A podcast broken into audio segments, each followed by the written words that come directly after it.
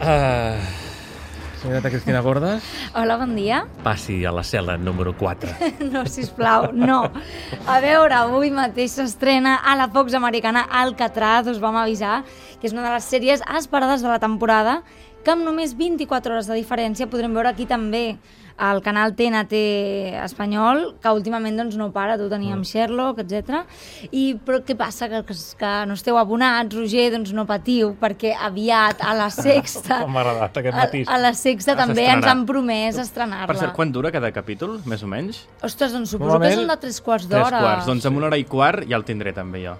Perfecte. Què més? Com comentàvem, sí. Ah, ah, sí, fa un parell de setmanes comentàvem que significa mm, la coincidència el retrobament de J.J. Abrams, en aquest cas productor de la sèrie, i de Jorge García, l'actor que feia Dugo de Harley a Lost, i que aquí, en un dels papers protagonistes, interpreta un expert de la mítica presó d'Alcatraz, que precisament és l'escenari d'aquesta nova sèrie de la Fox.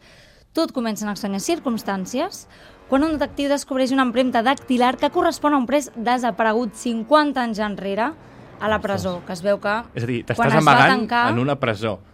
Aquí hi ha un problema temporal ja d'entrada. Ah, és més lost, això. Sí, Acabem. sí, sí, sí, veurem per on va. Es preveu que aquesta primera temporada tingui 13 capítols. Sí, és que no cauen abans.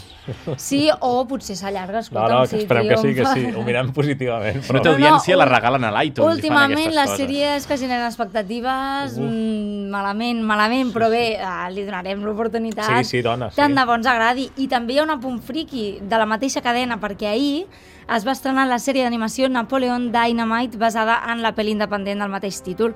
I a més a més, les veus dels personatges animats doncs, les posen els mateixos actors, és el mateix càsting, i, la bueno, pot pel·lícula. ser, pot Sí, ser que divertit. bé. Exacte. Si no l'heu vist, l'heu de veure, eh? Sí, Sí, Napoleon sí. Dynamite. Sí, el més sí. nerd que hagueu vist mai. Vote Lo- for lo d'abans Pedro. no és friqui, és normal. A- Això és lo friqui, de veritat. Sí que anys ja, però Sí, sí, sí. sí. però sí que és una bona recomanació.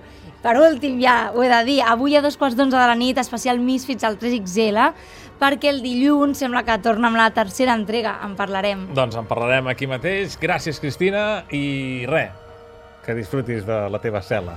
Bon dia! Adéu.